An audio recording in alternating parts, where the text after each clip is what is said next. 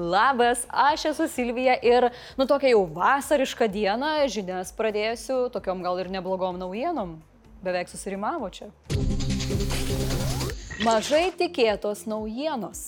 Duodamas interviu Wagner vadovas, karo nusikaltelis Jevgenijus Prigožinas gyrė Ukrainos kariuomenę. Ukrainiečiai labai gerai organizuoti, labai gerai apmokyti, jų žvalgyba aukščiausio lygio ir jie gali vienodai sėkmingai valdyti bet kokią karinę sistemą. Ukrainos kariuomenę jis vadino viena stipriausių pasaulyje. Nu malonu, bet už nusikaltimus vis tiek teks atsakyti. Geros žinios iš Bahmuto. Pranešama, kad Ukrainos kariai toliau žengia į priekį, darydami pažangą flanguose. Jų tikslas - taktinė miesto apsuptis. Tuo tarpu Maskva tikina, kad padėtis flanguose stabilizavosi. Tai gal turi omeny, kad padėtis tiesiog stabiliai bloga? Na, o Ukrainos kariai jau kitą savaitę pradės mokytis dirbti su M1A1 Abrams tankais. Kol rusai ieško, iš kokio čia muziejaus dar galima išimti imti karinės technikos, ukrainiečiai persėda valdyti geriausius ginklus pasaulyje. Dar viena prasta žinia عن تمس Krymo tiltas panašu išrinko naują popiežių. Taip bent atrodė iš pradžių. Po to paaiškėjo, kad prie Turkijos pakrantės buvo užpultas Rusijos žvalgybinis laivas Ivan Hurs.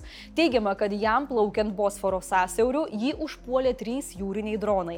Okupantai iškart uždarė tiltą ir pradėjo teisintis, kad niekas čia nieko neužpuolė. Čia tiesiog pratybos vyksta. Po kurio laiko eismas tiltų vėl buvo atnaujintas. Nu, įdomu ar ilgam. Šiandien netikėto vizito į Kyivą atvyko sako Didžiosios Britanijos gynybos sekretorius Benas Volosas. Benas perdavė aiškę žinutę, kad ir kiek Putinas besistengtų, karo laimėti jam nepavyks. Priešingai mano Vengrijos ir visos Europos gėda Viktoras Orbanas. Jis teigia, kad Ukraina nėra pajėgi laimėti karo ir JAV turi jį užbaigti. Aha, nes būtent JAV ir pradėjo, jo jo, štai tokia iškreipta ir tikriausiai kažkieno apmokėta Orbano logika. Na kaip kažkieno? Nu Rusijos, ne kažkieno. Čia jau atvirai galima sakyti šitą. Kalbant apie iškreiptą logiką ir faktus, Rusijos konstitucinio teismo pirmininkas Valerijus Zorkinas įteikė Putinui žemėlapio kopiją, kurią, pasak jo, sudarė prancūzai 17 amžiaus viduryje. Tokios dovanos tikslas parodyti, jog 17 amžiuje nebuvo jokios Ukrainos. Tačiau maža to, jog 17 amžiuje buvo Ukraina, ji yra parodyta tame pačiame žemėlapyje. Bet dar ir dalis dabartinių Rusijos žemių tuo metu priklausė Švedijai. Įdomu, ar nenorėtų Putinas uh, kokio Sankt Peterburgo Švedijai gražinti? Žemėlapis juk visą tiesą parodo. Reikia jo klausyti. Įrodymų, jog Rusija meluoja, vos tik prasižioja, daugiau nei pakankamai. Bet dar vienas nepakenks. Pranešama, kad įsiveržime į Belgorodą Ukrainos kariai nedalyvavo. Jie tik saugojo Ukrainos ir Rusijos pasienį, kad teroristai negalėtų kontratakuoti sieną perėjusius rusų dalinius. Teroristai tuo tarpu paskelbė, kad baigė kovos su terorizmu operaciją ir pareiškė dar vakar įveikusi pro-ukrainietišką rusų savanorių korpusą ir Rusijos laisvės legioną. Tam jokių patvirtinimų nėra, kaip ir nėra jokių patvirtinimų rusų kaltinimams JAV, jog šie remia kovotojus už laisvą Rusiją ir tiekia daliniams ginkluotę.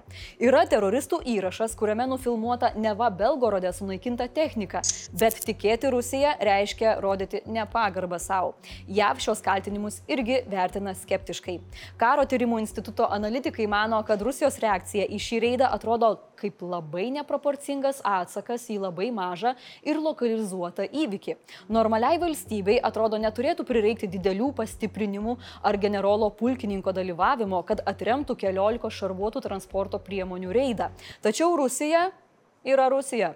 Ukraina mano, kad tokių išpolių šalių pasienyje bus tik daugiau. Kol Putino nusikalstamas režimas nebaigs karo prieš Ukrainą, Rusijos pasienio regionai negali jausti saugus.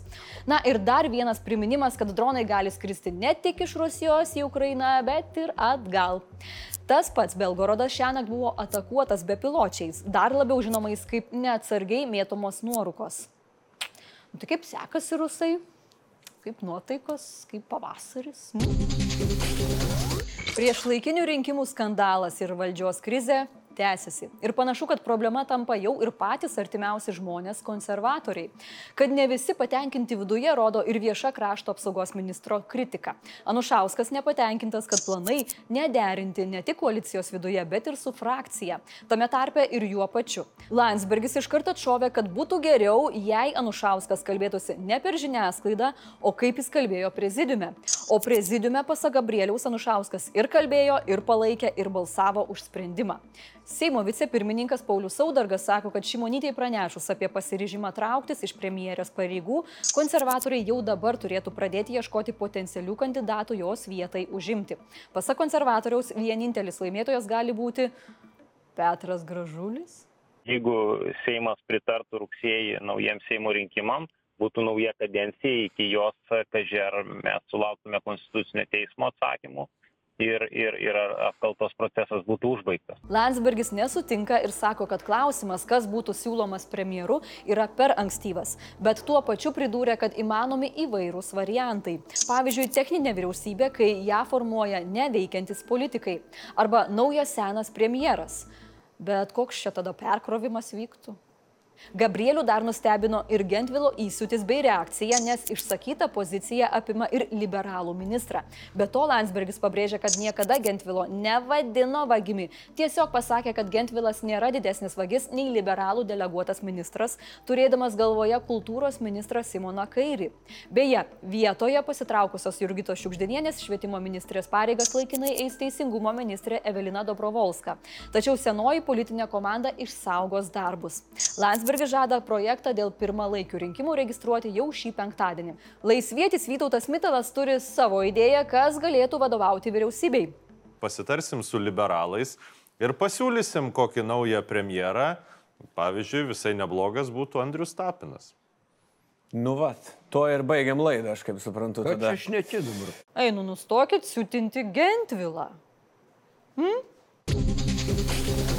Rytas sostinėje prasidėjo nuo medžių pjovimo. Neišsigaskite, pjaunamos nudžiūvusios liepos, kurios bus pakeistos naujomis. Bet ko tikrai nepakeis naujų, tai nupjauto šito vargšo ažuolo.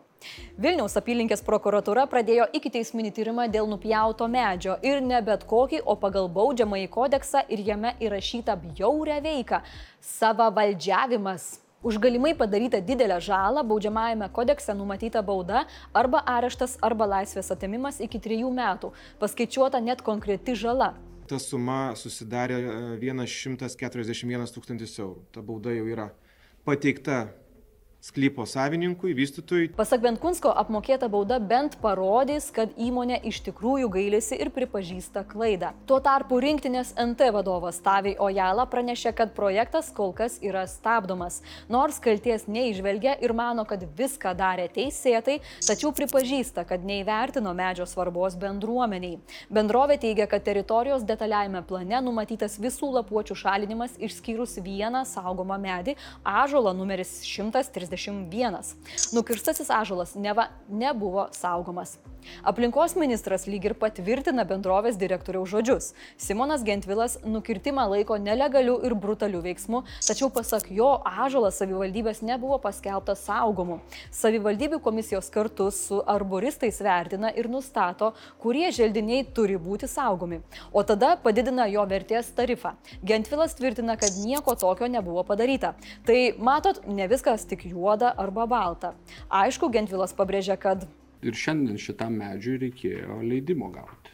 E, Iš savivaldybės tik tai bandoma išsisukti, kad tam medžiui nereikėjo leidimo. Antropologė Jekaterina Lavrinėt sako, kad patys kalti, nes tokius įstatymus turime. Pernai priimtas želdynų įstatymas. leidžia dabar kirsti, e, neturint leidimų, medžius, kurie auga ant inžinierinių tinklų arba inžinierinių tinklų apsaugos zonoje. Kitas aspektas - baudos. Jos turi būti tokios, kad būtų nejuokingos. Taigi, ką galima padaryti ateityje, kad daugiau tokie dalykai nepasikartotų?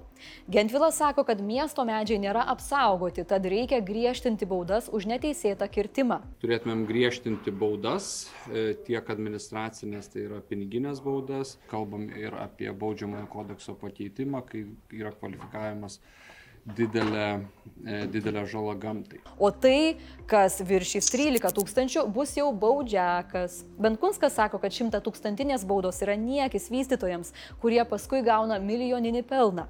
Meras pabrėžė, Padarius tokį nusižengimą, nusikaltimą, e, iš tikrųjų savivaldybei turi būti suteikiama teisė neišduoti statybos leidimo tol, kol nebus sutarta ir atlyginta, atlyginta visa padaryta žala.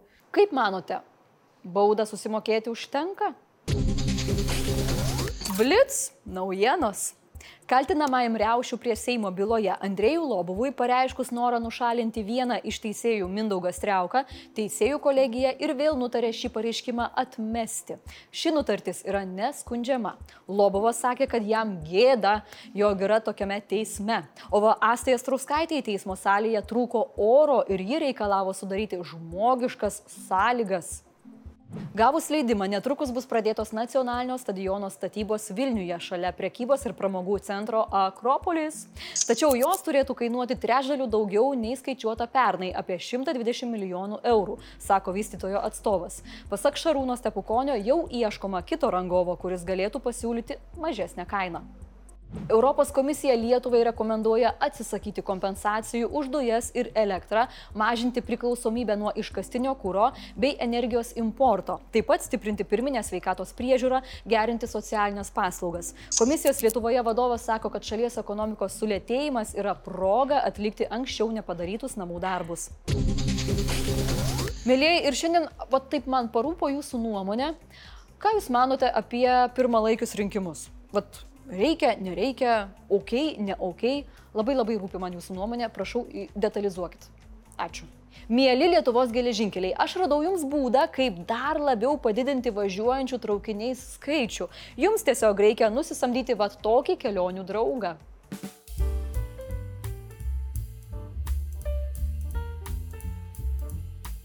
Komentarų metas. Vakar Dominikas jūsų klausė nuomonės apie partnerystės įstatymą ir koncertą Vingio parke. Tautvidas atsakė gana išsamei ir iškart jie buvo klausimus. Žodžiu, ką supratau, tai kad po koncerto drebėjo tiltas, bet žmonės, kuriems reikia partnerystės įstatymo, neturėtų drebėti. Na ir aišku, skirmio komentaras, primenantis mums padaryti tai, ką jau seniai darėm. Pavedimą Ukrainos paramos fondams. Tai važiuojam 321, o aš sakau ačiū Jums ir iki ryto.